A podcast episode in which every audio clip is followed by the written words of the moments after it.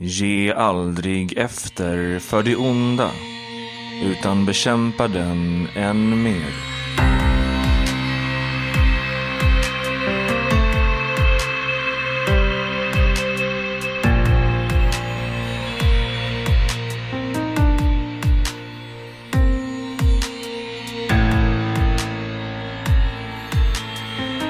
Radio Mises avsnitt 90. Idag har vi Martin Moreus med oss. Dalabonden. Välkommen Martin. Tack. Och hej, det, det, är tredje gången gilt för mig. Eller gilt, jag vet inte. Det är tredje gången jag är med i Radio Mises. Ja, det är tre gånger redan. Ja, jag vet inte om det är något slags rekord. Ja. Har ni haft någon gäst med tre gånger? Ja, det ska vara Per Bylund då möjligen. Ja, just det. Mm. Vilket fint sällskap man är i. ja. ja, det är jätteroligt att ha dig med. Mm.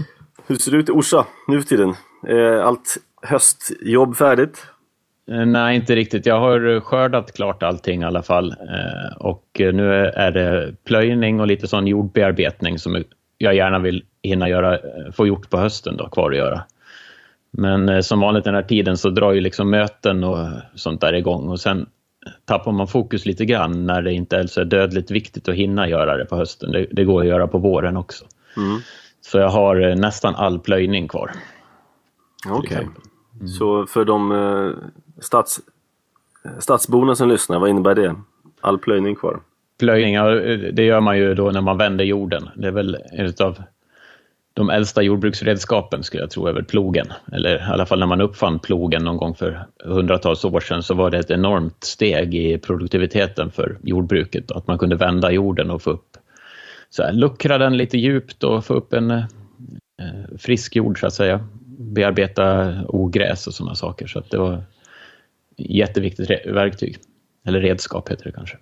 Så att eh, vad är poängen att man vänder jorden? Man, är det den ytligaste jorden, är den förbrukad för en tid efter att den här...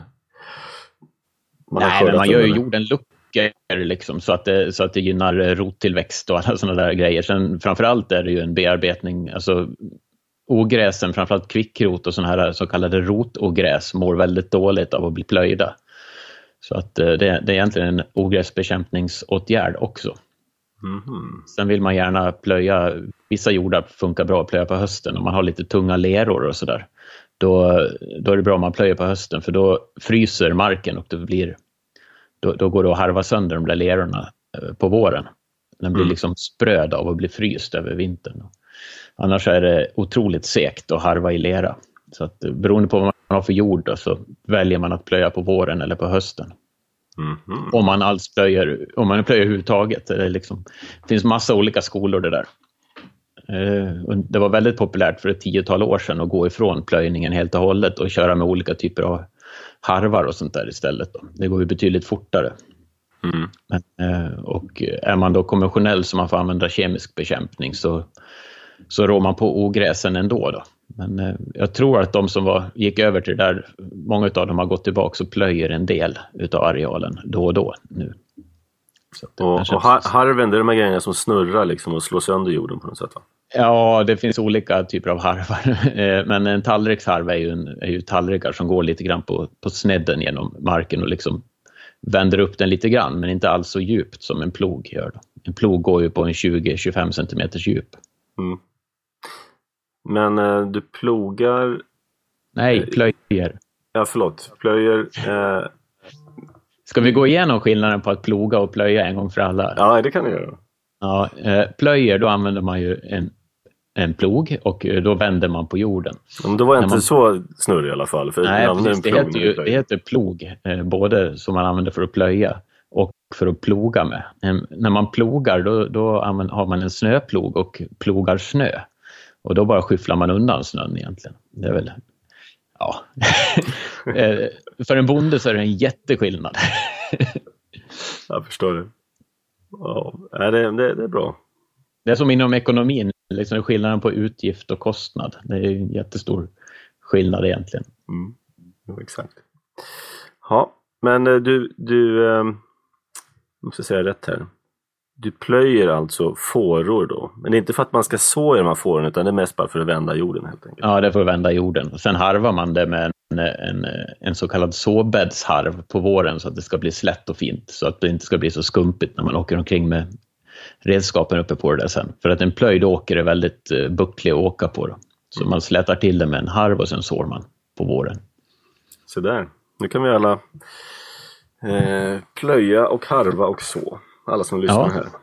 Mm. Tackar för den genomgången Martin. ja, men det var trevligt att vara med Klaus. ja, precis. blev, det någon, eh, blev det någon vinst i år då på, på skörden? Du brukar säga det att det är mest ett hobby, hobbyprojekt här för dig. Ja, det beror på lite grann hur jag ska räkna. Eh, det, jag, jag har köpt gödning och utsäde för 105 000 och sen så fick jag ihop 170 ton spannmål. Det är ju ungefär, värt ungefär 170 000. Då. Eh, så ska ju skillnaden däremellan, typ 70 000, räcka till diesel och kostnader för maskiner och min egen lön och sådär. Så att eh, där blir det ju ingen vinst. Men sen tillkommer det några tusen lappar per hektar i EU-stöd. Då. Så att, eh, ja, jag kanske, inte, jag kanske har ett kassaflöde, positivt kassaflöde i alla fall. Mm. Sen beror det på lite grann hur man är, liksom belastade med jag menar, även fast jag har gamla maskiner så ska man väl belasta kalkylen med kostnaden som om de vore nya. Eftersom mm. jag, då ska liksom, jag ska ackumulera någon slags kapital så att jag sen kan köpa en ny maskin för de pengarna som blir över nu då när jag har gamla. Men eh, riktigt så, så på sista raden, allting medtaget, så är det nog inte ett positivt resultat, det tror jag inte. Tur att vi har EU då, så att du får lite lön i alla fall. Ja, eh, det är väl liksom inte ens med EU-pengarna är så inne i kalkylen så har jag nog ett positivt resultat på min spannmålsodling, det tror jag inte. Utan det, det, är, det får gå på nöjeskontot en hel del. Mm. Ja, det är kul att köra traktor i alla fall. Ja, otroligt kul. Och grabben gillar det också. Ja, ja. han ska bli bonde när han blir stor säger han. Men det finns ändå folk som gör vinst på den här typen av verksamhet. Oh ja. Skulle, ja, skulle de inte, varför gör inte du det? Är det för litet eller? Ja, det är för litet. Det är lite för små åkrar. Det är lite, framförallt är det för dålig avkastning per hektar. Jag ligger någonstans lite drygt tre ton per hektar i skörd. Och eh, jag skulle nog egentligen behöva komma upp i en 6-7 ton någonting för att jag skulle få eh, lönsamhet i det. Och det finns ju stora områden i Sverige där det är normalskörden eh, över, ja, över 6-7 ton. I Skåne kan man ju ta en bit över 10 om, om det går bra till och med. Så du menar att det har egentligen att göra med var du befinner dig? Så. Ja, sen är det ju liksom eh, marknaden fungerar, även fast det är liksom ett, ett system som är gravt stört av olika typer av bidrag och subventioner, så fungerar ju marknadskrafterna på så sätt att, att en, eh, alltså en jord som avkastar bra blir ofta dyr att köpa eller arrendera. Så att eh, det är inte säkert att bara för att du får 10 ton per hektar i Skåne så har du en bättre kalkyl än vad du har på 7 ton i södra Dalarna. Det kan, eftersom markpriserna är helt annorlunda. Mm. Men är det, är det vanligt att få loss 3 ton per hektar i dina trakter eller är du bara lite sämre än genomsnittsbonden? Nej, det är ungefär vad vi ligger på här uppe. Och om man ser globalt sett så är ju 3 ton per hektar en, en, jag tror att det kanske till och med är över normalskörd om du räknar in hela jordklotet. Eh, det är ju Australien och, och eh, liksom eh, stora delar av USA, är, det blir inte mycket mer än, sånt, än ja, 2-3 ton per hektar. Alltså inte ens i de här storjordbruken i USA? Nej, lite beroende på var man är. Men många gånger så är det ju ganska svaga jordar och, och torrt. Så att det är svårt att få upp eh, skördenivåerna. Eh, om man går till Skåne till exempel så är det nog en, ja, det kanske är bland de tio bästa områdena i världen att odla spannmål på, sett i skördenivåer. Det är massa faktorer som spelar in där.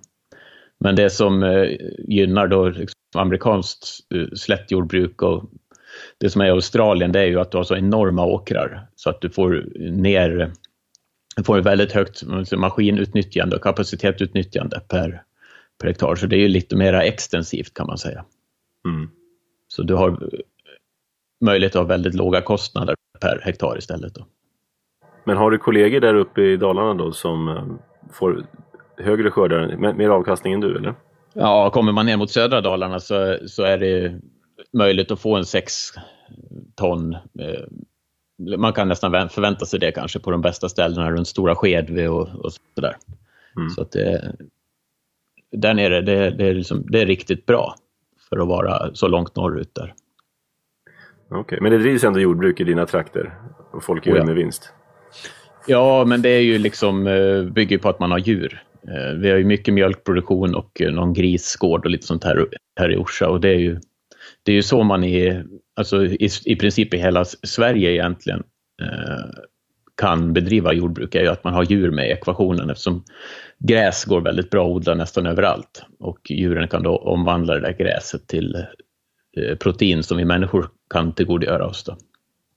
Mm ja, och energi överhuvudtaget. Alltså vi får ju inte ut någonting av att äta gräs, varken energi eller protein. Nej, jag har inte provat, men jag, jag, jag, får helt enkelt tro på ditt ord här. Ja, djuren är otroligt viktiga. I, i liksom, jag har skrivit om det på min blogg också, att eh, liksom, om man ska få något slags hållbart jordbrukssystem i, i ja, egentligen hela världen, det är väl ingenting som, men, men framförallt i, i Sverige så, så måste djuren vara med i ekvationen, annars så, annars så blir det ett eh, så att säga, ett system där man tar, eh, dränerar marken på, på, på, på näring eh, så småningom. För att du måste ha djuren med för att kunna sluta kretsloppet som man säger. Men eh, hur funkar det där? För djuren äter ju upp näringen från marken. Och så, ja, så, man, så tar man bort djuren och äter upp dem. Så hur kommer näringen tillbaka då menar du, av djuren? Ja, i, i form av gödsel då, från djuren som man kan föra tillbaka till marken. Okej. Det är klart att det blir ju liksom ett nettoutflöde eftersom inte allt återförs. Alltså, människornas gödsel eh, går ju inte tillbaks till åkrarna än, tyvärr kan man säga. Man har lite svårt att hitta på system för att återföra slam från reningsverken eftersom det är så mycket annan verksamhet som är påkopplad på reningsverken och folk spolar ner p-piller och mediciner och knark och allt möjligt i, i, i toaletten och då är man orolig då från lantbrukarhåll att, att man skulle få problem med att jorden blir kontaminerad helt enkelt. Mm. Och det där är en lång debatt som har pågått hur länge som helst. Där vissa säger att det inte är någon fara och andra säger att det är katastrof. Men det gör man väl redan man sprider sånt där rötslam på åkrarna, eller? Ja, man, eh, det har lättat lite grann och man får göra det Eh, om det är eh, till exempel om man odlar energigrödor då, som inte går till varken djur eller humankonsumtion, eh, då, då, då, är det tillåtet med slam. Om den är certifierad, om jag förstår rätt, enligt ett visst system då, där man kan spåra flödena uppströms hela tiden och, och veta exakt vad det innehåller och sådär. Mm. Vad, vad är din synpunkt på den här, din ståndpunkt? Ja, jag, jag, alltså jag tror väl att vi, vi kommer att behöva eh, eh, hitta system för att återföra fosfor. Det är framförallt fosfor då, eh, som är det näringsämnet som är, det är brist på. Eh, eh återföra det från reningsverken. Men eh, om det är riskfritt att göra det idag eller inte, det får jag nog låta vara osagt. Det, det är liksom på en, på en annan akademisk nivå än vad jag har satt mig in i. Mm. Ja, ja. Mycket spännande. Ja. Du har ju också varit eh, involverad i en debatt här om hur mycket vatten det går åt för att tillverka kokött. Ja, just det. Berätta lite. Ja, men det där började ju för nästan ett år sedan nu eh, när jag hittade på Världsnaturfondens hemsida en uppgift om att det går åt 16 000 liter vatten för att göra ett kilo nötkött. Och ja, jag hade väl inte reflekterat så mycket över det, men jag bestämde mig för att liksom bara göra något slags, räkna lite grann på vad det, om det verkligen stämmer. Eh, och hittade lite uppgifter på totala vattenförbrukningen i Sverige. Det fanns bra statistik på och eh, sen liksom, finns det statistik på hur mycket nötkött det produceras. Och såg att om, om det skulle gått åt 16 000 liter vatten per kilo nötkött så skulle i princip hela Sveriges vattenanvändning eh, gå åt till att producera nötkött. Då. Eh, så då kände jag att men det är något fishy med de här siffrorna. Eh, men sen visade det sig när jag kollade lite noggrannare att man, man räknar någonting som heter water footprint eh, och då räknar man även med det vatten som faller i form av regn då på åkrarna. Som, som att det har gått åt inom citationstecken för att göra nötkött. Och då blir det ju inte fullt så alarmerande, tycker jag. Det blir inte lika, det blir inte lika spännande heller.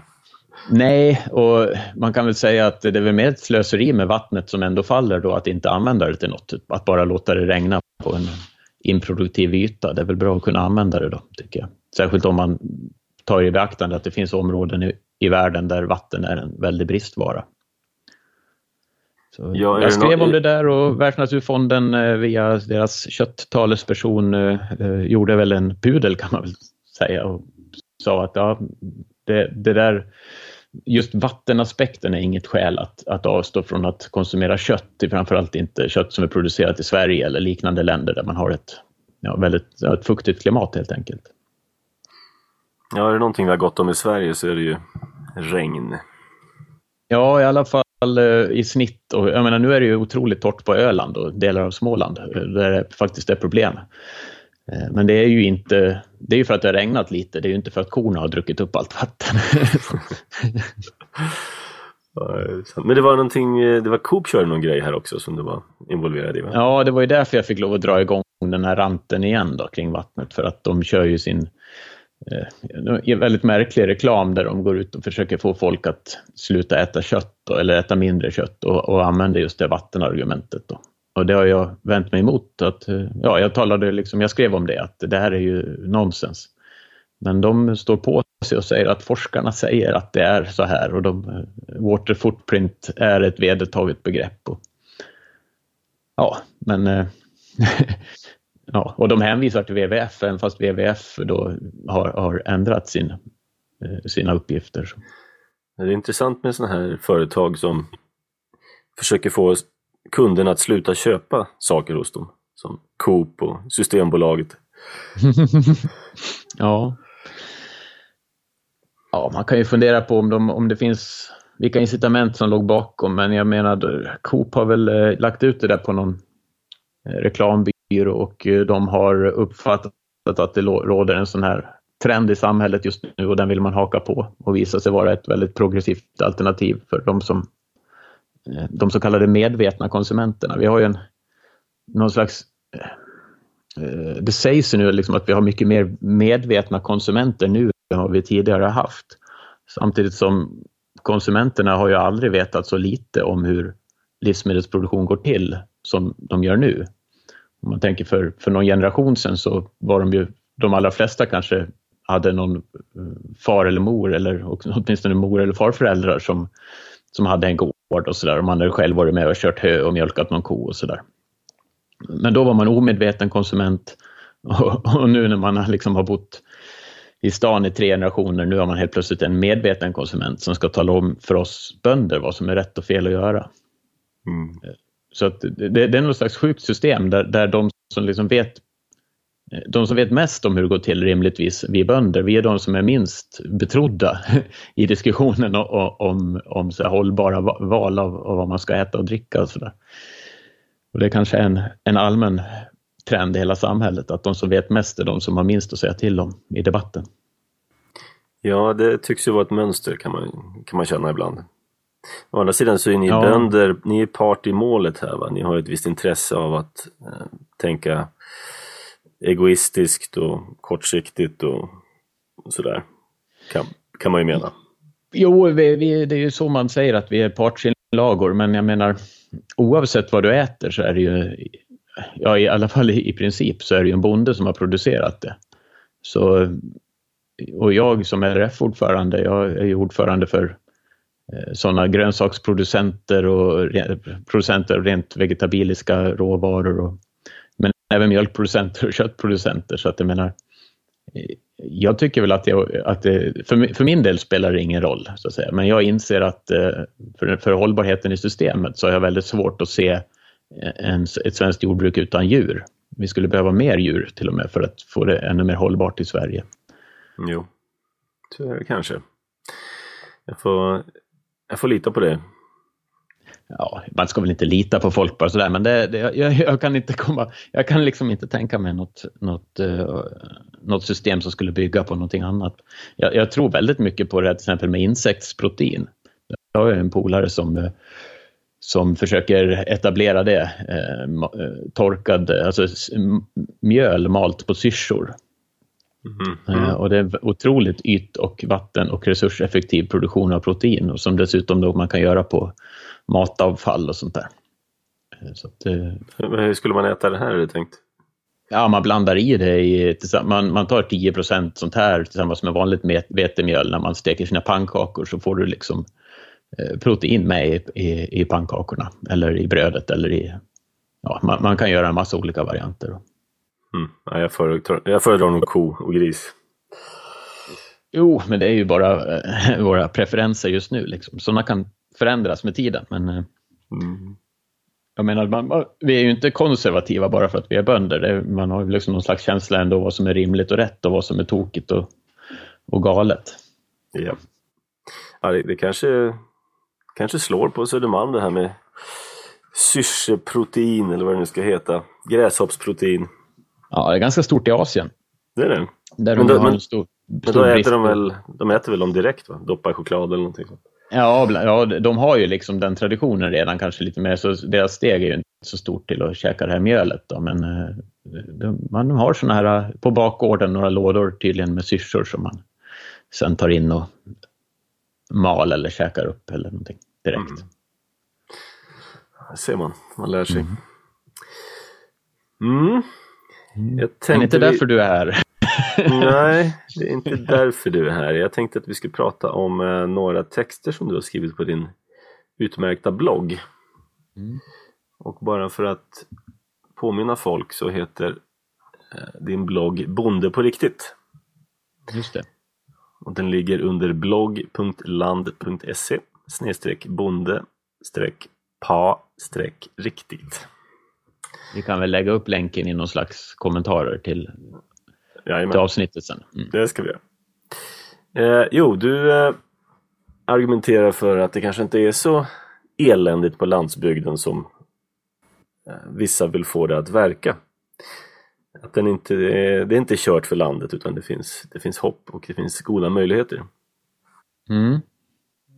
Ja, jo, jag har skrivit tre texter på det där och det var väl lite, alltså det har blivit en debatt om, om land kontra stad nu och mycket drivet av Po Tidholms eh, tre dokumentärfilmer som har gått eh, som på SVT. Då.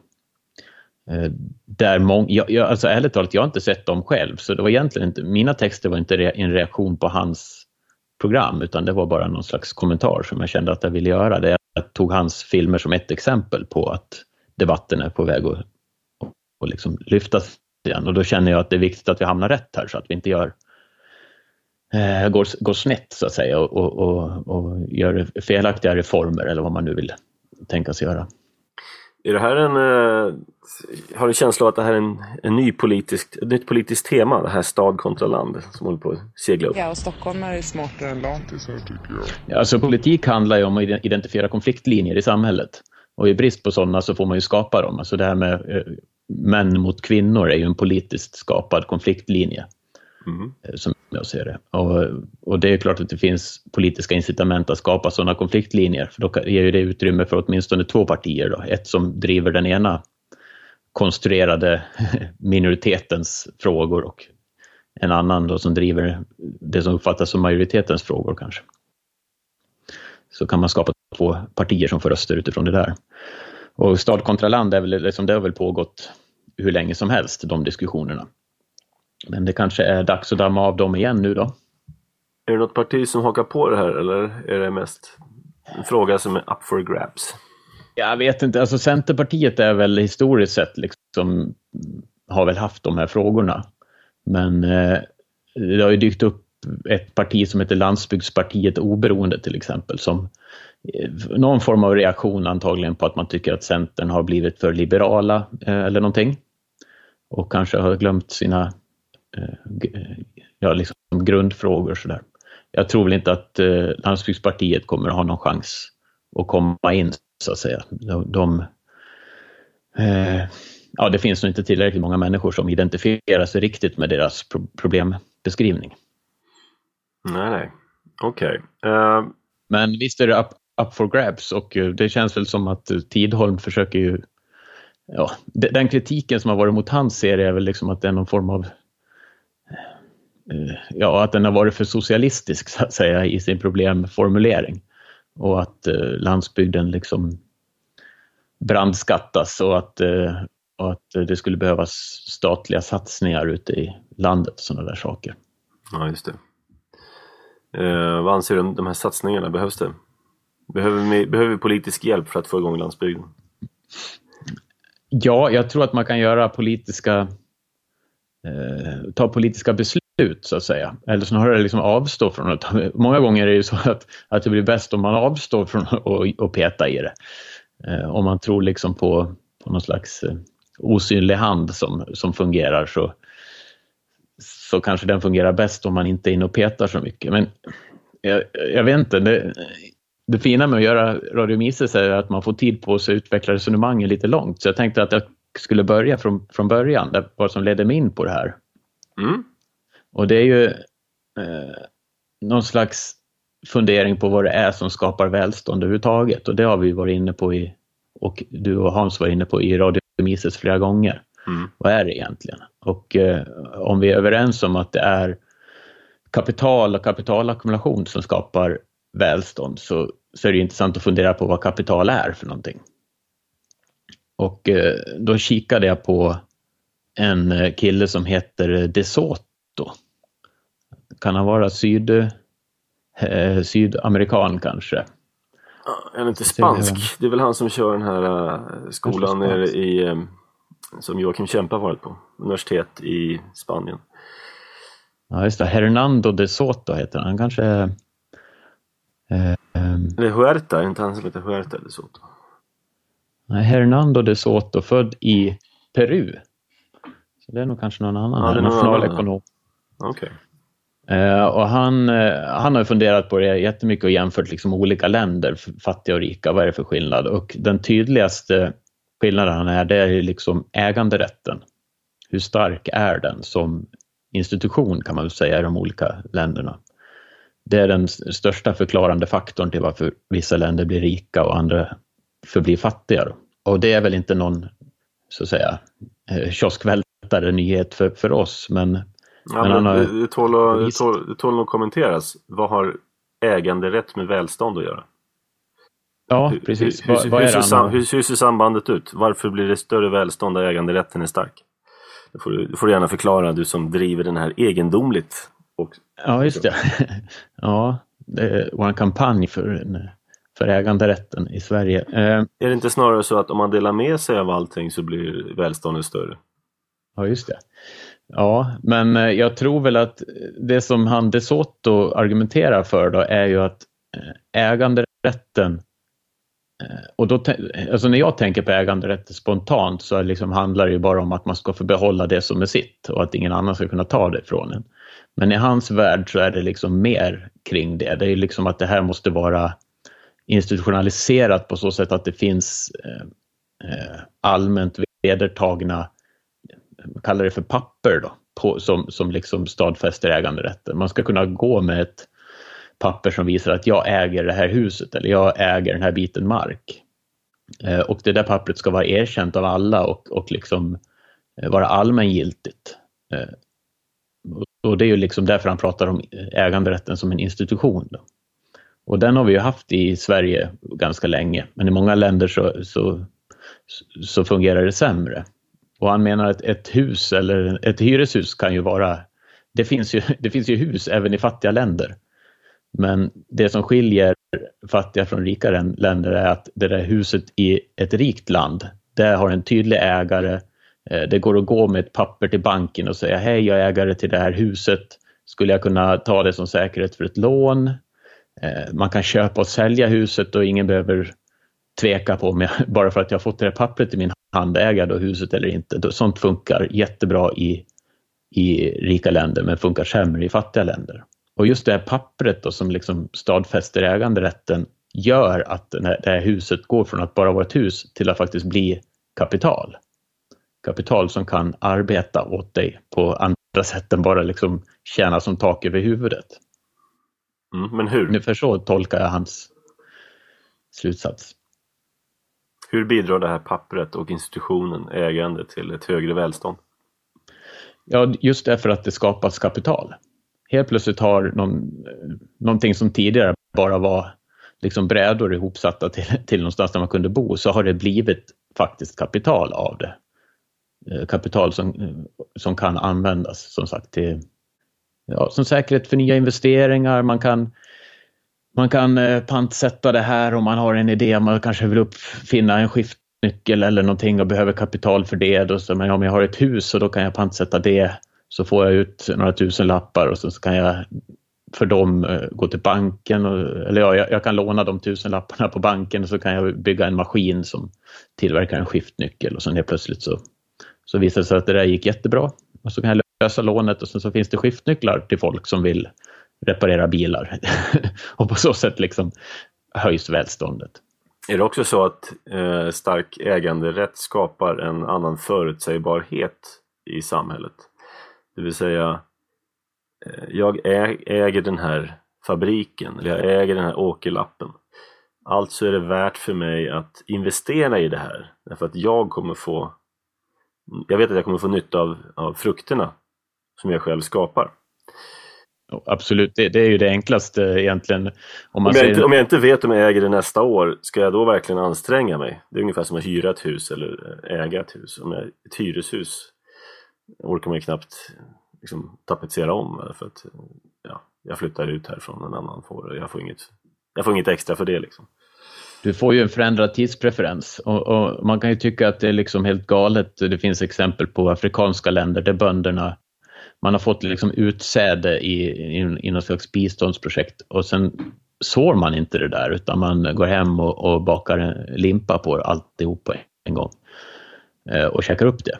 Och, och, det är klart att det, det är liksom, tänker man, gud vad de är, vilken konstig tidspreferens de har de här länderna. Det är därför det, de, de är fattigare än oss. Men i själva verket är det så att det, antagligen agerar de på det mest rationella sättet. Därför att de vet att om jag skulle så det här och det skulle bli en väldigt fin skörd så, så är risken väldigt stor att något så här, rövarband eller staten eller någon annan kommer och, och gör anspråk på den här grödan om ett år. Och då är det mycket mer rationellt för mig att käka upp utsädet på en gång så har jag åtminstone fixat mat till familjen under några veckors tid.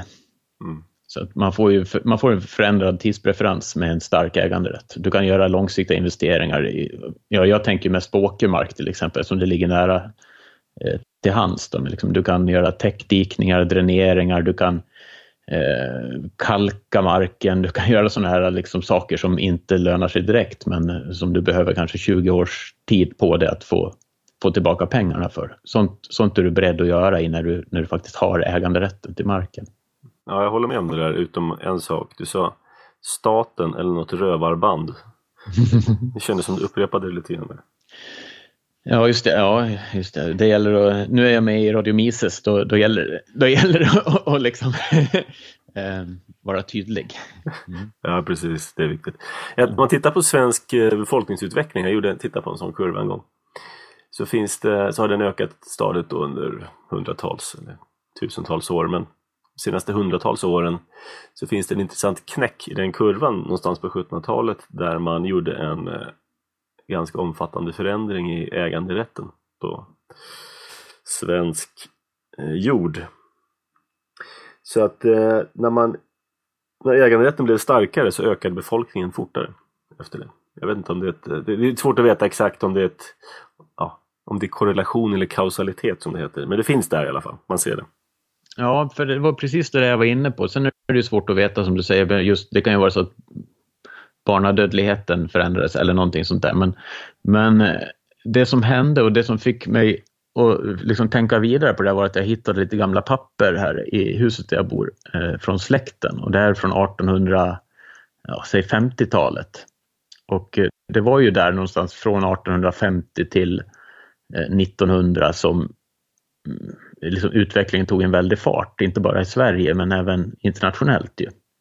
Och man brukar ju tillskriva det där liksom att det vart ja, de här liksom liberala tankarna om frihandel och det vart ju någon slags sån idé som rådde i världen samtidigt som det blev en väldig uppfinningsrikedom och man uppfann symaskiner och ångmaskiner och sådana saker. Och att det var det som skapade välståndet. Men jag tror att en av de reformerna, man ska säga, som man gjorde i Sverige på slutet på 1800-talet var ju när skogen gick från att vara ja, kronans kan man väl säga, det var väl i princip allas och ingens. Det var bara värdelös vildmark egentligen.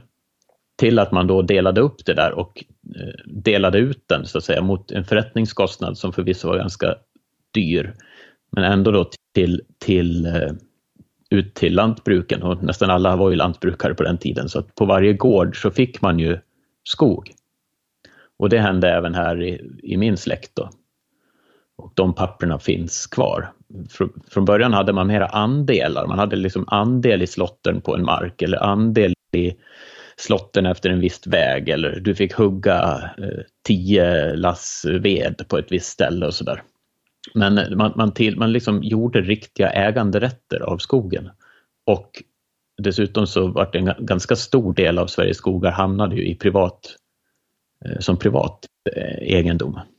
Mm. Staten behöll väl typ hälften och resten delades ut till, till befolkningen. Du, eh, du, du, har skog på din gård eller? Det tillhör? Ja, tillhör. det gör det. Inte så mycket som det tillhörde till gården då efter den här, det, det stora skiftet som var Ja, här var det någonstans kring 1880 men för sen har ju eh, släkten förökat sig och det har delats upp så att säga. Så att, men, det, men det är skog till den här gården, ja. Mm. Vad, bara en, en parentes här. Som skogsägare, vad anser du om eh, allemansrätten? Ja, det där kan man utveckla mycket som helst. Jag menar, eh, allemansrätten i sin grund handlar ju om att man ska få liksom fritt ta väg över annans mark eh, och du får plocka bär. Alltså det, det, det, funkar ju därför att de här eh, sakerna man har rätt att göra på annans mark inte är någon knapp resurs. Du får inte hugga eh, liksom sågtimmer på någon annans mark, men du får plocka, plocka blåbär. Så jag, jag har egentligen, alltså, om man tänker så här, jag skulle inte vara beredd att avsätta en massa egna privata pengar på att se till att ingen plockar blåbär på min mark. Och då kanske det är fel att hävda att, eh, att jag ska ha rätt av, liksom hjälp av rättsväsendet att förhindra det. Mm. Eh, så att jag, jag, tycker den är i sin grund väldigt bra. Mm. Sen, eh, sen är det klart att man flyttar hela tiden fram positionerna och tycker att ja, men jag ska väl, kan väl få köra fyrhjuling eller anordna eh, stora liksom, exkursioner eller eh, ta med mig grupper av turister ut på annans mark också och ta betalt för det. Då, då tycker jag att man har gått över gränsen för eh, liksom, nyttjande av annans mark och som egentligen inte är förenligt med med, med intentionerna i allemansrätten. Just det. Nåväl, för att återgå till huvudtråden. Ja, eh, min tes är ju då att när man eh, fick ut den här, alltså när man gjorde skogen privat ägd, eh, alla fick papper på exakt vad det var, det var tydliga så här, rågångar, man visste att det här är min skog, det där är din skog. Då skapades en väldigt, väldigt massa kapital i Sverige. Så Sverige, Sverige ökade sitt ackumulerade kapital enormt i den processen. Och det var ju såklart, det räcker ju inte att du liksom delar upp mark och säger vem som äger vad. Den här marken måste ju ha ett värde också. Och det värdet kom ju från att det varit en enorm efterfrågan på eh, skogsråvara, inte bara i Sverige utan i hela världen. Sverige exporterade jättemycket till England till exempel under den här tiden. Där man behövde, jag tror att det var i deras gruvor till exempel, man behövde väldigt mycket virke. Eh, så att Sverige, gick, Sverige kapitaliserades, man ska säga. Och det här sammanfaller ju, om det är en slump, men det sammanfaller ju med den liksom, välståndssprånget som togs där i slutet av 1800-talet, början på 1900-talet. Med alla liksom, svenska industrier startades och de här liksom svenska uppfinningarna som vi tycker är så fantastiskt att vi fick i Sverige, de, de kommer ju också från den här tiden. Och många av de stora bolagen som fortfarande finns skapades under den här tiden. Och jag tror kanske att inte det hade varit möjligt om det inte hade varit så att det helt plötsligt fanns en väldig massa kapital. Som faktiskt var kapital på riktigt som kunde användas för investeringar. Mm. Så, så var liksom bakgrunden till mitt resonemang när jag började började skriva på de här artiklarna om landsbygden och, och vad som man skulle kunna se framgent för åtgärder. Och sen då så började folk flytta in till städer. Det började uppstå stora städer och folk flyttade in och man lämnade landsbygden. Det fanns några incitament här som gjorde att det var intressant att lämna landet, att avfolka landsbygden. Ja, eh, det är klart det behövdes ju folk till... Eh, jag menar, det blev ju en efterfrågan på arbetskraft. Och till och med var det väl kanske så att det blev en eh, med diverse jordbruksrevolutioner och mekaniseringar så frigjordes det en massa arbetskraft från landsbygden. Mm. Så att eh, det som man kunde få betalt för sitt arbete på landsbygden ganska så lätt konkurrerades ut av det som man kunde få betalt i fabriker och i städer. Ja, så att eh, det blev ju någon form av specialisering och arbetsdelning eh, in, eh, inom jordbruket också. Istället för att alla hade en ko, en höna och en gris och såg till att producera det som familjen behövde så, så tänkte man att kan inte du ta hand om min ko så tar jag hand om din gris så blir jag grisfarmare och du blir kobonde. Liksom. Så, så, och, och, någon sa att jag vill inte ha några djur alls, jag kan sy skor istället. Och, sen, och det var egentligen så det, det, det liksom satte igång. Den, dagen när man var beredd att, att lita på att faktiskt inte vara självförsörjande på mat som familj. Det var ju då som man tog, tror jag, liksom det här språnget mot industrialisering och ökat välstånd. Mm. Så det fanns, kan man säga, naturliga krafter som bidrog till att folk lämnade landet och, och jordbrukandet? Ja, precis. Och eh, som jag skriver i, jag tror det är min andra text, där jag liksom för, eh, jag tror att Bo Tidholm till exempel har ju som tes och det är många andra som säger att ja, men det är liksom kapitalismen och marknadskrafterna som missgynnar landsbygden och ja, till viss del är det ju så eftersom eh, möjligheten till specialisering och arbetsdelning är ju mycket större i en stad där du har nära till andra människor. Det, det är ju därför man ser Eh, även idag på landsbygden alltså väldigt mycket generalister och diverse arbetare kan man väl säga. Många som har kombinationsverksamheter, så hårfrisör och bokföring och eh, slakt och rödfärgning och rörmokeri och vedkapning. Och så man håller på med allt möjligt och det är för att det inte finns kundunderlag till att vara en specialiserad utan du får på, på vintern så, så gör du någon grej, hjälper folk med bokföring och deklarationer. På sommaren kanske du är i skogen och hugger eller någonting sånt där. Eh, I, i, I, en större stad så kan du vara otroligt specialiserad. Du kanske kan eh, jättebra ett visst programmeringsspråk eller någonting och eller, har heltidsarbete med det. Eller, eller som du skrev, man kan vara jätteduktig på intersektionell analys. Ja, just det. ja, men du skulle ju inte överleva en sekund om du tänker dig liksom eh, ute på eh, på 1850-talets svenska landsbygd om det, om det var det enda du kunde. Du var ju tvungen att kunna mjölka kor och sköta grisar och, och hugga ved och sånt där.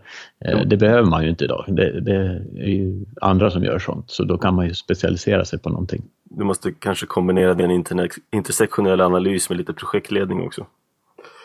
Ja, antagligen. Rapportskrivning. Just det. Men jag har en, eh, jag har en, faktiskt en svärfar som eh, han var polis och eh, skogsbonde. Han blev intervjuad en gång på en, en tidning, du vet, så här på baksidan av tidningar som Aftonbladet har, de frågar fem personer en fråga. Och eh, som eh, yrke svarade han diversarbetare. Mm. Han skrev inte hemmansägare då, som det är populärt för, för att skriva i telefonkatalogen. ja, han var lite mer blygsam. Ja, men, men för att återgå till, till liksom Ja, men det är klart att liksom, när, när marknadskrafterna går fram så drabbas eh, vissa orter. Då. Eh, man lägger ner det stora bruket eller liknande. Och jag träffade en företagare i, i en liten ort i Dalarna som eh, där hade precis det stora, den stora industrin lagt ner. Och politikerna pratade om den här orten som en krisort och sådär. Men han sa att det som politikerna kallar för krisorter, det ser vi entreprenörer som guldgruvor. För det finns så otroligt mycket kapital kan man säga i form av eh, eh, kunnande hos de människor som bor där. Och det finns eh, billiga lokaler och det, det, liksom, det är bara att slå till och säga, knyta till sig de bästa utav de som precis har blivit uppsagda och, och dra igång någonting. Mm. Eh, så att det, det, är ju lite hur man är funtad om man väljer att se det här som en, en krisort eller som en möjlighet. Det här med att Ericsson nu ska lägga ner, eh, det ser jag som någonting väldigt positivt. Um, precis i den andan. Jag vet, jag växte upp utanför Uppsala och i Uppsala så fanns det det här jättestora eh, medicinföretaget Pharmacia. Mm. Som köptes upp av amerikanska Upjohn eller vad det heter. Och sen lade man ner. Och det var, oj, det var så mycket kris och sådär. Men istället vad som hände var att det dök upp massor med små bioteknikföretag med alla de här människorna. Mm. Deras kreativitet frigjordes på ett helt annat sätt än eh, ja, sitta på en stor fabrik då. Och jag tror det kan bli samma sak efter Ericsson och eh, ja, även som du beskriver, landsbygden i allmänhet.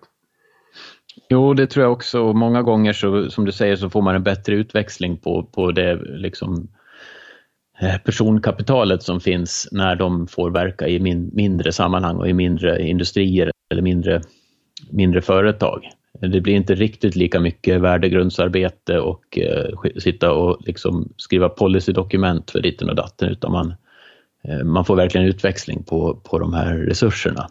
Så, så rätt använt så tror jag att det kan bli bättre mm. resultat ur det. Det blir lite mer verkstad hela. Att, ja, precis. Eh, men då om det som var slutsatsen i, i min första och som jag även gnuggade in i den andra texten jag skrev så ha, handlar ju om det här med kapital och att det faktiskt sker en väldig dränering av kapital på landsbygden när man då så att säga inom citationstecken skyddar våra naturresurser eh, och framförallt skogen. Eh, och då hittade jag en artikel i Lantbrukets affärstidning, ATL, där man har räknat ut värdet på den skog som har tagits ur produktion därför att den har blivit klassad som nyckelbiotop. Och det samlade värdet av nyckelbiotoperna i Sverige uppgår till 42 miljarder kronor. Eh, alltså 42 miljarder kronor, det är dubbla börsvärdet på SSAB. Och det där är ju bara en typ av skydd inom citationstecken som skogen får. Man kallar ju stöld för skydd nu för tiden. Eh, man skyddar skogen från dess ägare. Det är ungefär som att man skulle skydda eh, mitt hus från, från mig då, som ägare. Eh, så skulle jag ja, inte men det gör man ju. K-märkning och allt vad det heter. Ja, det är också ett skydd. Då. Och oftast skyddar man i Sverige också barnen från sina föräldrar. Ja, precis. För, förmyndarsamhälle. Ja, och som sagt, eh, jag skulle tro att totala värdet på all den skog som har olika typer av skydd uppgår till eh, ett par hundra miljarder kronor. Och, jag menar, om, om man tänker sig att eh, värdet av bostadsbeståndet eller liksom bostadsrätterna i, i Stockholms in, innerstad skulle falla med ett par hundra miljarder kronor så skulle du få en fullständig systemkris, antar jag. Mm. Eh, men det här eh, värdedräneringen, kapitaldräneringen från landsbygden, den har nästan ingen eh, reflekterat över överhuvudtaget och sett att ja, men det är klart att det får konsekvenser när man rycker bort, som i det här fallet, då, bara med nyckelbiotoperna, 42 miljarder kronor i, i kapital. För det är klart, jag har fortfarande mitt papper där det står att jag äger den här marken, men man har dränerat det där pappret på en del av dess värde, vilket gör att jag kan inte eh, använda den som inteckningar för investeringar eller byggnationer eller vad, vad jag skulle behöva använda det här kapitalet till eh, i samma utsträckning som jag kunde förut. Och du kan inte heller avverka den som du vill, eller hur? Nej, det, jag kan ju inte avverka den alls egentligen Nej. och därför så har den inget värde. Det är som ett hus som är, är utdömt för att det är liksom mögel i det. Eh, det, det värdet på det huset går ju mot, det blir ju negativt värde eftersom jag har liksom någon slags kostnad för att riva det. Det, är enda, det blir ju bara en belastning. Mm. Så precis samma, alltså, man, man, kan ju lätt förstöra kapital på så sätt. Antingen att, att det blir av sig själv i och med att det, att det blir liksom som mitt exempel med mögel eller genom ett beslut där man säger att nej, det huset ligger där vi har tänkt, tänkt dra den här vägen. Då går ju det värdet mot noll. Eller ja, direkt blir det ju noll. Då. Men har du inte också samtidigt ansvar att vårda den här skogen så du inte får avverka? Eller kan, du bara låta, kan du bara låta den stå som den är? Ja, en nyckelbiotop som det heter, det, det, det innebär att den ska vara, ja, det, det, är mer komplicerat än så. Men, men skog som får skydd får jag ju inte bruka utan den ska ju i princip vara så som den, den, den ska få, det ska naturen få ha sin gång kan man väl säga. Okay. Eh, sen så kan du ju få eh, det kan ju bildas ett formellt ett naturreservat och då har du ju som markägare rätt till ersättning för marknadsvärdet plus 25 procent tror jag det till och med. Men det är ju fortfarande, då, då, drabbas ju jag som enskild person inte av en kapitalförlust på det sättet. Jag får ju pengar då istället. Det, blir, det är ju någon form av tvångsinlösen kan man säga, expropriation. Men samhället som helhet förlorar ju kapital. För någon, det måste ju skakas fram de här pengarna för att ersätta mig. Det här med nyckelbiotop, hur, eh, hur uppstår de? Är det någon uh, nyutexaminerad skogsvårdare som är ute och spanar i markerna tycker att oj, här var det en speciell groda? Ja, den, den, kan uppkomma på lite olika sätt. Det, det, kan vara någon från Skogsstyrelsen som gör en inventering, men det kan i princip vara vem som helst som är intresserad som åker ut i skogen och säger att oj, här växer den här örten eller den här svampen eller här är en eh, lämplig lokal där man skulle kunna tänka sig att den här typen av fågel kan tänkas trivas. Då eh, rapporterar man in det till Skogsstyrelsen och det, kan, det, det är, det är sällan skogsägaren själv som gör det, utan det kan vara precis vem som helst, en ideell kraft som gör det. Och då registrerar Skogsstyrelsen det här området på din mark som nyckelbiotop. Eh, I och med att jag får en del av min mark registrerad som nyckelbiotop så får jag formellt eh, avverka det om jag vill. Men eh, de som köper eh, trävaror, alltså skogsindustrin, de är, är eh, anslutna till ett certifieringssystem. Det finns två olika sådana för, för skogen. Och i det certifieringssystemet så säger man att då får man inte köpa virke från nyckelbiotoper.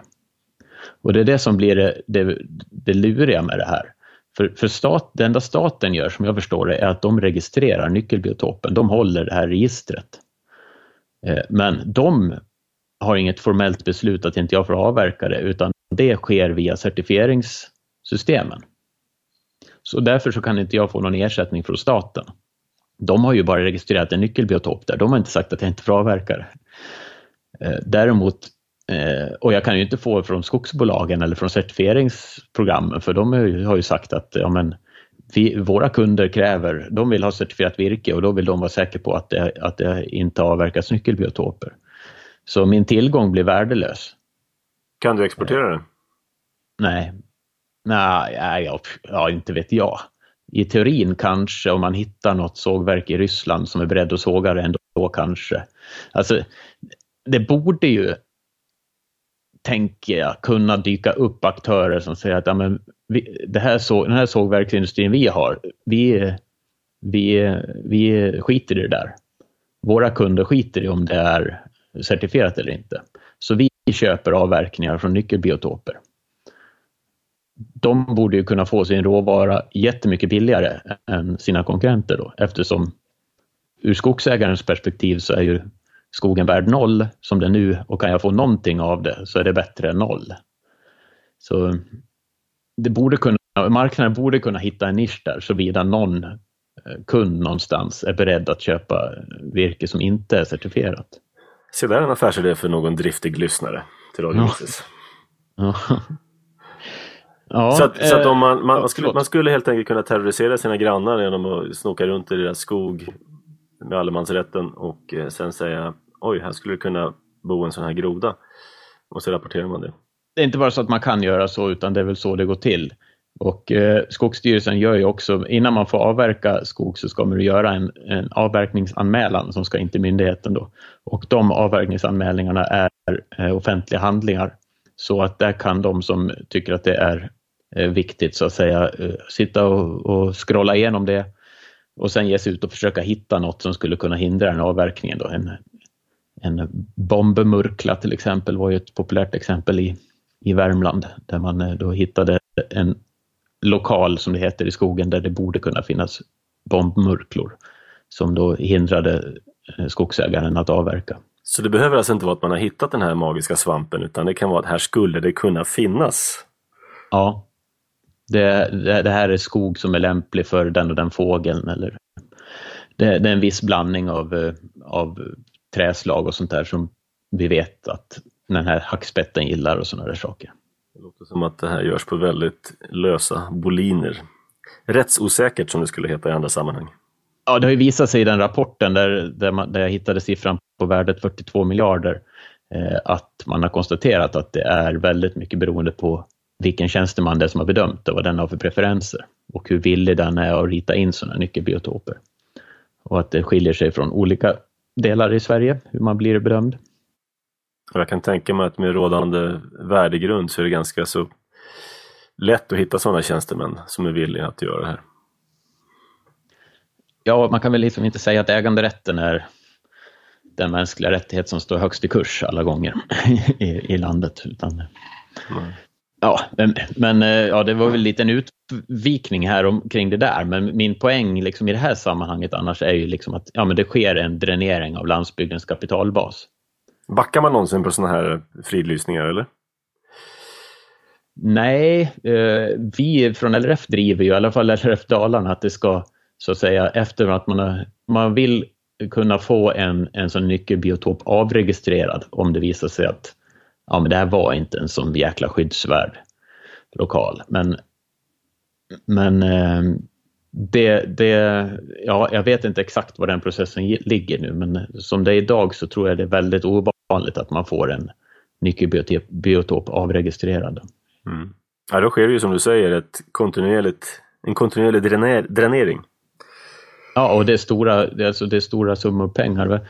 Jag vet att eh, Naturskyddsföreningen drev att 20 procent av den svenska produktiva skogsmarken skulle, skulle undantas från avverkning. Och jag räknar ut någonstans att, att 20 procent av skogen i Sverige är värd ungefär 200-250 miljarder kronor. Eh, och ska det då ske med eh, liksom, ja, det, det, är en väsentlig del av statsbudgeten som skulle behöva gå, ifall, gå åt ifall man då vill kompensera, ersätta de markägarna, skogsägarna för det där. Så det är ju liksom enorma pengar. Sen vet jag att skogsindustrierna har räknat ut följdkostnaderna i, i liksom att vi har svårt att försörja svensk skogsförädlingsindustri med råvara. Och eh, lite beroende på hur man löser det där, men runt 2000 miljarder kronor i, i värsta fall skulle en sån, ett sånt beslut kosta. Då. Mm. Så det är väldigt sällan man har det känns som att de som beslutsfattare i de här skogsfrågorna helt bortser från vilka, vilka värden det är vi pratar om. Man tror att ja, men det är bara skog, liksom. det är klart att det ska skyddas. Men eh, liksom när vi pratar hundratals miljarder kronor i kapital så är det klart att det får eh, konsekvenser. Det som jag brukar säga, Sverige har råd. Ja, just det. Ja, det. vi har plats och vi har råd. Ja, precis. Uh, har du några nyckelbiotoper på din i din skog? Eh, ja, jag vet att vi har på ett ställe. Eh, som tur är det, är det i en väldigt brant slänt där jag i princip, jag menar, det är ingen idé att avverka det ändå så att eh, det värdet är ju, var ju väl noll redan från början antar jag. Vilken tur. Nu ska vi inte ge någon några dumma idéer här så vi lämnar det ämnet. ja, alltså, och det tragiska är ju egentligen att de som har de som hela tiden har varit ute och varit aktiva skogsbrukare och, och liksom huggit och gallrat och sett till att sköta sin skog eh, enligt liksom det, det, som man som liksom skogsbrukare tycker är ekonomiskt sina skogsbrukare tycker är rätt. De drabbas mindre hårt än de som kanske inte har varit så om sig och kring sig utan kanske låtit Alltså du har ju, du har ju skapat ett system som, som tar bort alla incitament att skapa naturvärden i din mark. Incitament som annars finns hos de privata skogsägarna. Man tycker det är kul att ha liksom områden med lite gammal skog och, och sådana saker. Nu törs man ju inte det. Man inser att om, om, om det skulle komma in naturvärden, som man säger, i den här marken, då blir jag av med det. Mm. Så därför är det bäst att åka dit fort utav den och, och se till att inte det händer. Det, det, hade, det, alltså, det borde ju finnas marknadslösningar som skapar rätt incitament mm. för, för skydd av skog.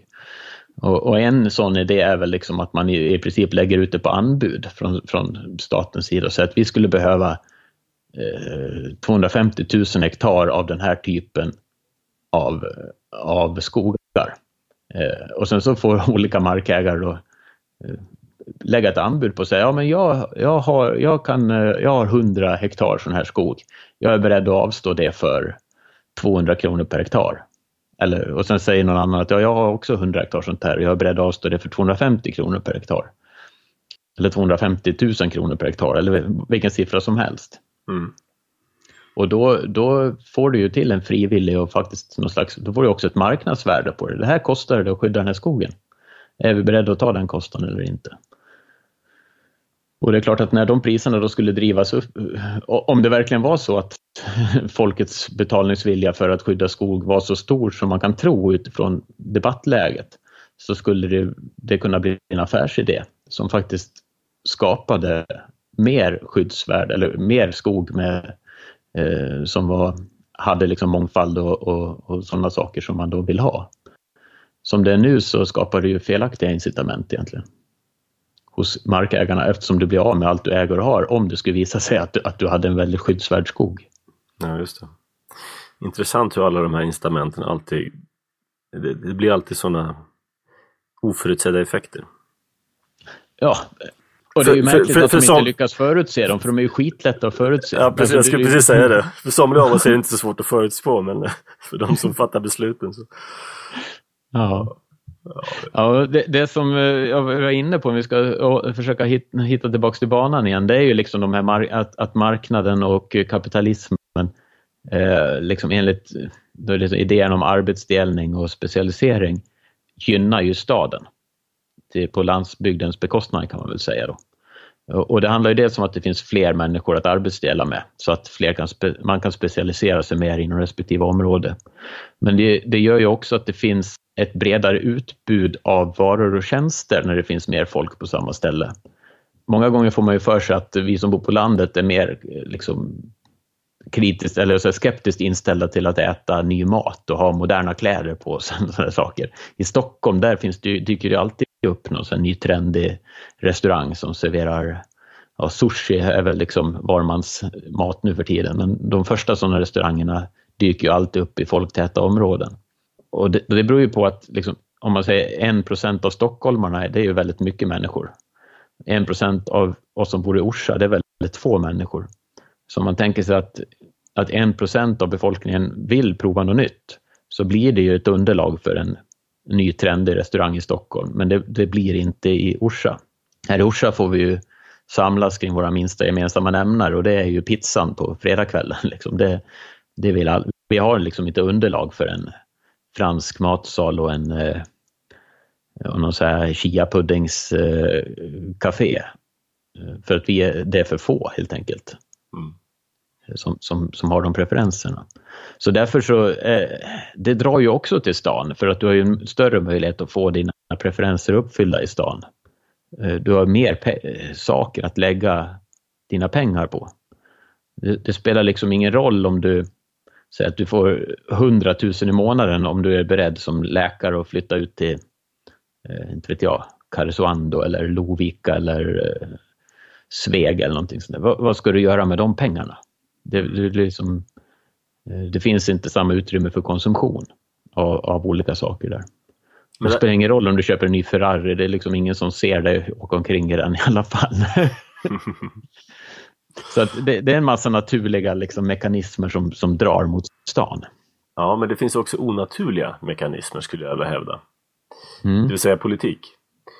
Mm. Um, någonting som uh, slår dig som missgynnar landsbygden gentemot staden när det gäller politiska beslut? Vad märker du av? Ja, man, man, skulle kunna säga så att eh, jag, vet inte, jag antar att du fiskar efter någonting som jag inte kommer på riktigt nu. nej, nej, jag bara, jag bara tänker för att ja. jag, om du jämför Sverige med, eh, jag har nämnt det här förut i något avsnitt, eh, jag har tillbringat rätt mycket tid i Tyskland till exempel. Där lever landsbygden på ett helt annat sätt. Mm. Där har du jordbruk, du har små fabriker, små tillverkningsindustrier, du har lite, det är liksom uppblandat på ett helt annat sätt.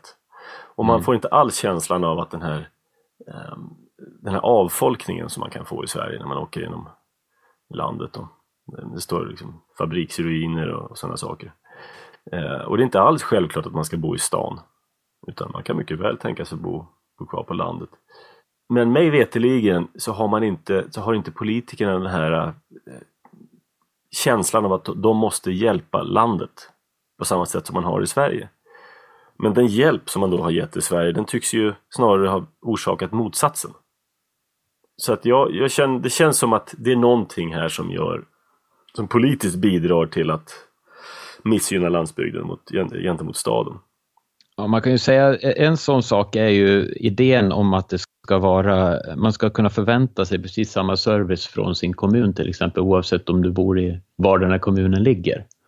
Så, så är kommunen ålagd att ha ett skolbibliotek och liksom erbjuda en skola och äldreomsorg till en viss standard, socialtjänst eh, till en viss standard och ditten och datten. Och allt sånt där är ju typ fasta kostnader. Du måste ha de här eh, institutionerna.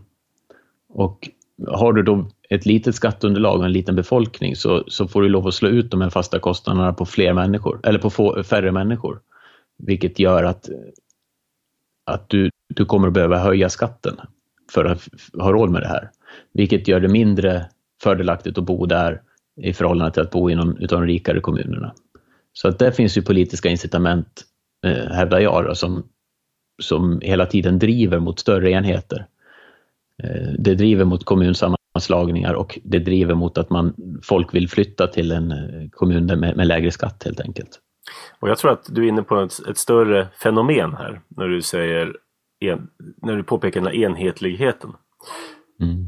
Det finns många, det finns andra exempel på det. Till exempel ska ju lönerna vara lika mm. i stad och land enligt facket. Då.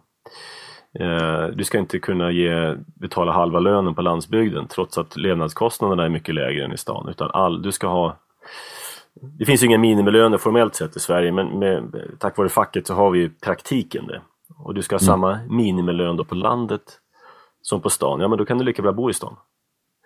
Mm. du ska ha samma, ja, ta till exempel bränslekostnader, bensin är ju lika dyrt i, i stan och på landet. Eh, och det är mycket på grund av skatter. Eh, mm. Som, som, som det här priset utgörs av. Då. Och överhuvudtaget den här enhetligheten gör ju att landsbygdens fördelar som låga kostnader, korta resavstånd som du också nämner i din text, de kommer inte riktigt till sin rätt på grund av att det ska vara samma som i stan. Just det, den osynliga handen eh, blir liksom lite bakbunden kan man väl säga. Ja, precis. Den som, den som skulle kunna liksom eh, göra att vid en viss brytpunkt så säger ah, men vad fan, vi lägger fabriken i Sveg istället. Den, den, den, eh, den brytpunkten kommer ju aldrig, eller också kommer den senare än när den skulle komma annars. Nej precis, för att ja, men vadå, vi betalar samma i Sveg som vi gör i, i liksom Uppsala. Ja, då lägger vi in Uppsala. Det, är liksom, det finns mera chia-puddingställen där till exempel. Va? Ja, precis. Och jag tror att... Sen har man ju försökt kompensera det där med olika, så här, ja, men då får, då får man något bidrag för att man, för att man lägger fabriken i, eh, liksom i rätt område. Du har ju någon form av ja, investeringsstöd och lite sådana här saker som du har möjlighet att få då, om du lägger eh, fabriken i vissa områden. Men, men det är ju eh, det är ju egentligen ett, ett, det är ju mer skadliga incitament egentligen. Då, då lägger man inte fabriken där, man, där den är optimal att ligga utan man bidragsoptimerar istället. Ja, då ska du hålla på med dina bidrag, administrera dem och optimera efter det istället för att fundera på din affär då, din affärsverksamhet. Mm. Och jag tror att Tyskland, Sverige då, om, om vi ska titta på vad är den underliggande skillnaden här? Och jag tror att en stor skillnad mellan Sverige och många andra länder är, och som orsakar den här enhetsiven, det är att staten har en oerhört stark makt över kommunerna. Du har ett väldigt lågt självbestämmande i Sverige ute i kommunerna utan du har kommunlagen som, kommunallagen som säger att du ska ha det här och ditten och datten och det ska finnas en eh, skolläkare på din, din, skola, om det nu, jag vet inte om det står i kommunallagen, men du förstår poängen. Du har en kommunallag som dikterar väldigt mycket om vad kommunerna ska tillhandahålla. Och det här i sin tur kommer förmodligen av att vi har väldigt stora kommuner i Sverige. Eh, vi har ju haft en del sådana här kommunalförordningar eh, som har gjort att man har slagit samman mindre kommuner till större. 1860-talet hade man den första och då skapade man Sveriges första 2500 kommuner ungefär utav de socknar som redan fanns då. Och så börjar man säga vad de här kommunerna skulle tillhandahålla och under 1900-talet så började folk flytta runt, flytta in till stan mera. Och då funkade inte de här kommunerna längre för att det blev många som var väldigt små då när folk hade flyttat ut och då kunde inte de tillhandahålla de här tjänsterna som de var ålagda att tillhandahålla. Så gjorde man en, en sammanslagning eh, 1950-talet. Då ersatte man de här drygt 2000 kommunerna med ungefär 800 storkommuner som då skulle ha större möjligheter att kunna tillhandahålla de obligatoriska tjänsterna. Och sen visade det sig att det inte räckte heller eh, därför att staten krävde mer. Och då började man på 1850-talet fundera på nya kommuner och sen på 60-talet, 1960-talet så slog man ihop det här till ungefär 280 kommuner. Eh, så man gick alltså från 2500 till under 300. Och ja, man pratar ju fortfarande om kommunsammanslagningar, regionsammanslagningar i Sverige. Det ska bli större och större enheter, mer och mer enhetlighet. Ja, och det gör det ju svårt för landsbygden att kunna eh, fullt ut få nytta av sina fördelar som ändå finns.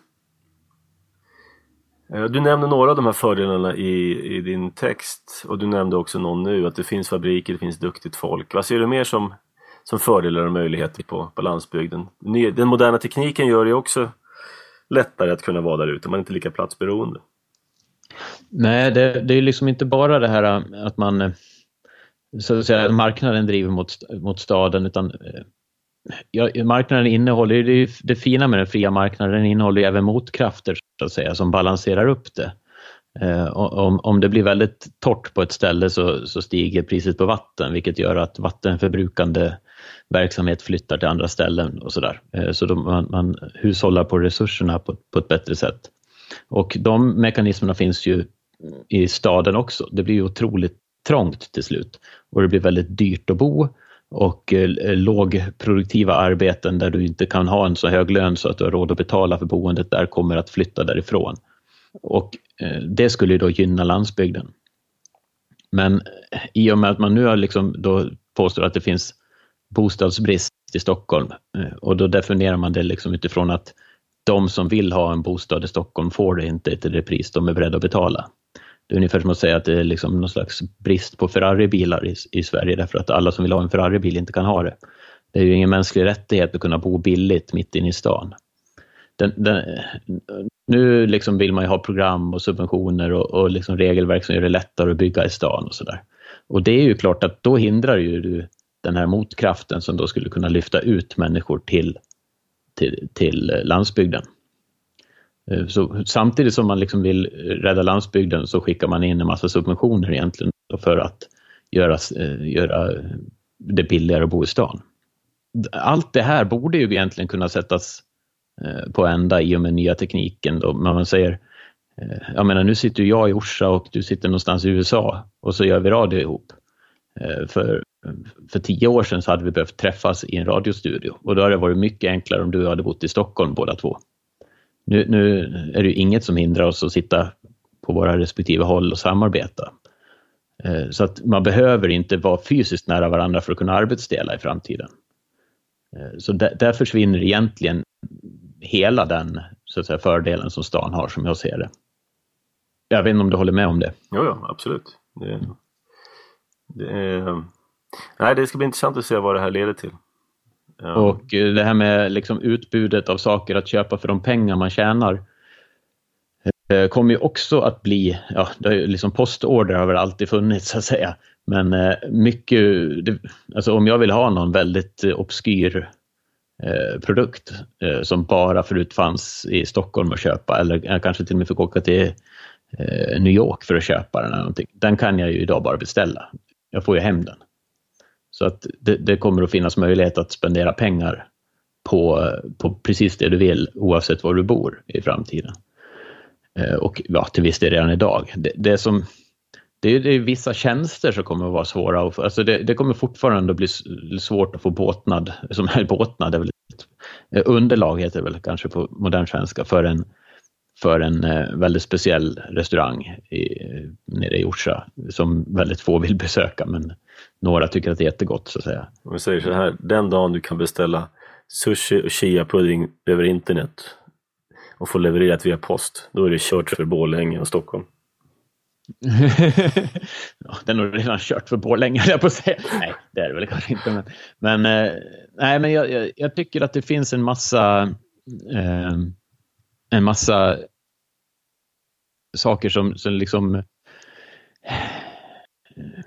Ja, som, som på något sätt gynnar landsbygden i, med den nya teknikutvecklingen. Du, vi kommer inte att behöva vara tillsammans. Så vi kom, alltså det här med att resa i jobbet, det tror jag var, kommer att vara det kommer att kännas lika, jag skriver det, det kommer att kännas lika absurt som tanke på att du får lov att åka runt och personligen bjuda in alla som du har tänkt bjuda in till ditt 40-årskalas. Liksom.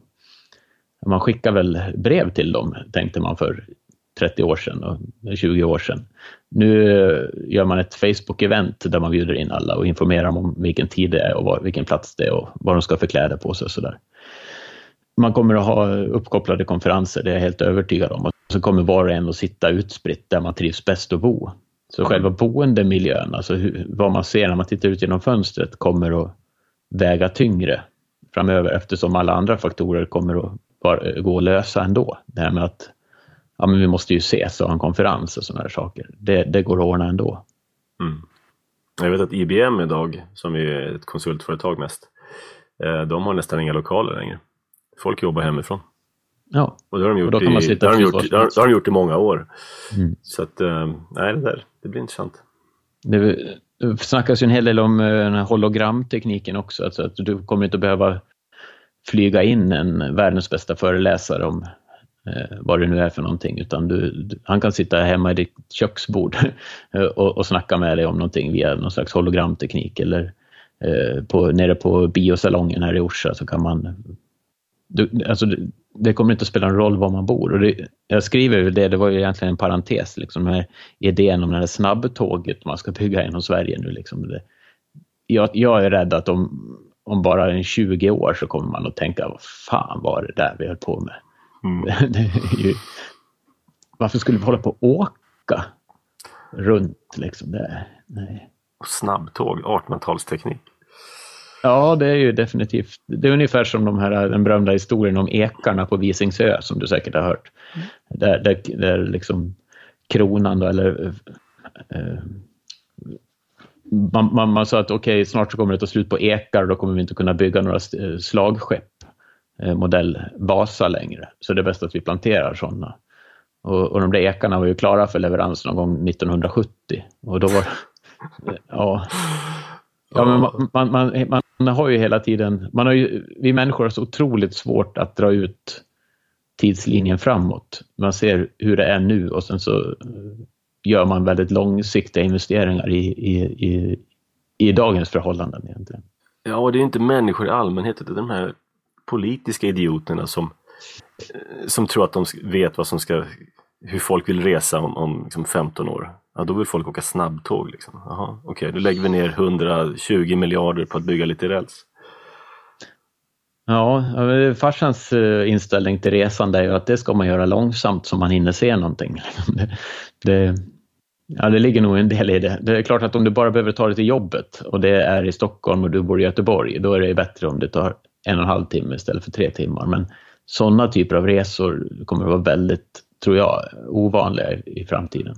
Mm. Där man liksom, bara för att det, det resan inte är någonting av målet utan bara att behöva befinna sig på en annan plats.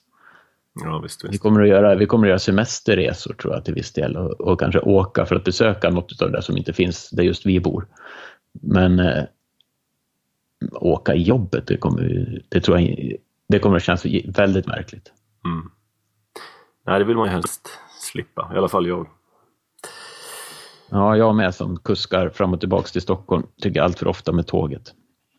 Men där har vi faktiskt redan nu, om man säger inom LRF, börjat med, med, med videokonferenssystem. Så vi kör fler utav mötena och, det, och det är, jag sitter hemma och gör det. Och jag, vet, jag sparar ju nio timmar per dag. Jag slipper åka fram och tillbaka till Stockholm. Det är ju en enorm effektivitetsvinst. Mm. Jo, precis.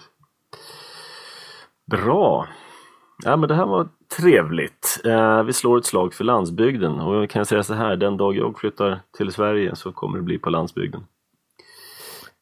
Ja. Jag är trött på stora städer. Ja, jag, jag gillar ju stora städer och att be, besöka dem så att säga. Men eh, jag, jag, förstår, alltså, jag tycker det är konstigt att få gör, alltså nu är det ju lite knepigt, det kostar mycket pengar att bo i Stockholm men det har ju varit en bra investering att köpa en bostad i Stockholm under all tid. Så att liksom, du har ju, även fast ditt netto när du jobbar inte är något vidare, när nästan allt går, att betala, går till att betala för boendet, så har du ändå kunnat göra en snygg exit sen. Men eh, ja, det är väl ett ämne för ett helt annat program om, om hur länge det kommer att fortsätta. Mm. Nej, jag tänker liksom det här pendlandet. Va? Det, det är naturligtvis min personliga preferens men fruktansvärt tråkigt. Men om man säger det spelar väl ingen roll om du är världens bästa hjärnkirurg om du lägger sju veckor eh, per år på att sitta i bilen till och från jobbet. Eh, då är ju eh, världens tredje bästa hjärnkirurg som faktiskt kan vara på jobbet eh, sju veckor mer än du mer produktiv. Nu kanske hjärnkirurgi kanske fel att prata om produktivitet, men, men alltså på något sätt så marknaden ser ju till att ordna det så att eh, den är, ja, att, att det till slut når en gräns där du inte tjänar på att bo i, i stan längre. Mm. Varken du själv eller eh, det ekonomiska systemet som helhet. Ja, just det. Alla duktiga människor sitter och kör bil och lyssnar på Mix Megapol istället för att vara på jobbet. Ja, de ändå kunde lyssna på Radio Mises eller Radio Bonde eller någonting. Ja, men det kanske de gör. Ja. Du, jag tänkte vi ska avsluta med tre fina citat av Karl Marx. Åh, oh, trevligt. Ja, han har lite grann att säga om, om landsbygden. Um, han skrev ju det här kommunistiska manifestet och han hade då lite synpunkter, han hade tio idéer om vad man skulle göra för att införa den här, eh, den här vetenskapliga socialismen. Rent praktiskt. Och eh, nummer sju så säger han utökande av nationalfabriker, produktionsinstrument, uppodling och förbättring av jorden efter en samhällelig plan. Det tyckte han var bra. Vi ska ha en samhällelig plan för din jord. Mm. Sen tyckte jag han... vet ju inte bäst själv vad, som är, vad jag ska göra på min mark. Nej, nej precis. Och sen var han också inne på arbetslinjen här, nummer åtta. Lika arbetstvång för alla, upprättande av industriella arméer, särskilt för åkerbruket. Mm. Det skulle behöva en industriell armé där ute, eller en jordbruksarmé. Som hjälper dig. Ja, Eh, jag är liksom, eh, om det är kostnadsneutralt mot att köpa en tröska eh, så spelar det ingen roll om, det, om jag har en armé där ute som skördar åt mig. och nummer nio, förenande av jordbruks och industridriften. Åtgärder för att så småningom utplåna skillnaden mellan, land, mellan stad och landsbygd. Ja, just det, det där var ju faktiskt en del av, eh, jag har nog pratat om det i något tidigare avsnitt, om liksom den jordbrukspolitik som rådde under 50 och 60, kanske 70-talet också. Att det skulle så att säga inte vara någon skillnad om du var bonde än om du valde att, att jobba i, som anställd i industrin. Man skulle ha likartad löneutveckling. Och eh, det var mycket det som jordbruksförhandlingarna mellan eh, dåvarande, då var ju LRF böndernas förhandlingsorganisation gentemot då regeringen eh, handlade om. Man såg att nu tjänar de som jobbar i industrin mer än oss, därför måste priset på mjöl och mjölk gå upp så här mycket så vi kommer ikapp. Man såg liksom ingen skillnad på att man var en egenföretagare. Man såg sig inte som en egenföretagare som bodde, utan man var mera anställd av staten för att producera mat. Så vi kan ju konstatera att precis som de flesta andra av de här tio punkterna så är sjuan, åttan och nian också i stort sett införda. Ja, och eh, min oro är väl att man går vidare på den linjen när man försöker rädda landsbygden framöver och inte låter oss ett, behålla vårt kapital och två, konkurrera med de medel som vi har eh, till hands. Mm. Så man kan väl sammanfatta då med att landsbygden behöver inte räddas. Den behöver inte politisk hjälp. Den behöver inte allmosor. Den behöver egentligen bara få behålla sitt och styra över sitt, så kommer det säkert att lösa sig. Ja, jag ser fram emot ärliga skatteparadis om de så beslutar, de som bor i Sveg eller Dorotea eller vart det nu är. Om de vill. Mm. Precis. Därmed Martin, tackar för dig. Väldigt trevligt att ha dig med som vanligt och vi kommer säkerligen att höras framöver igen. Tack så mycket Klaus. Jättekul att vara med. Mm. Hej. Hej. Thank you.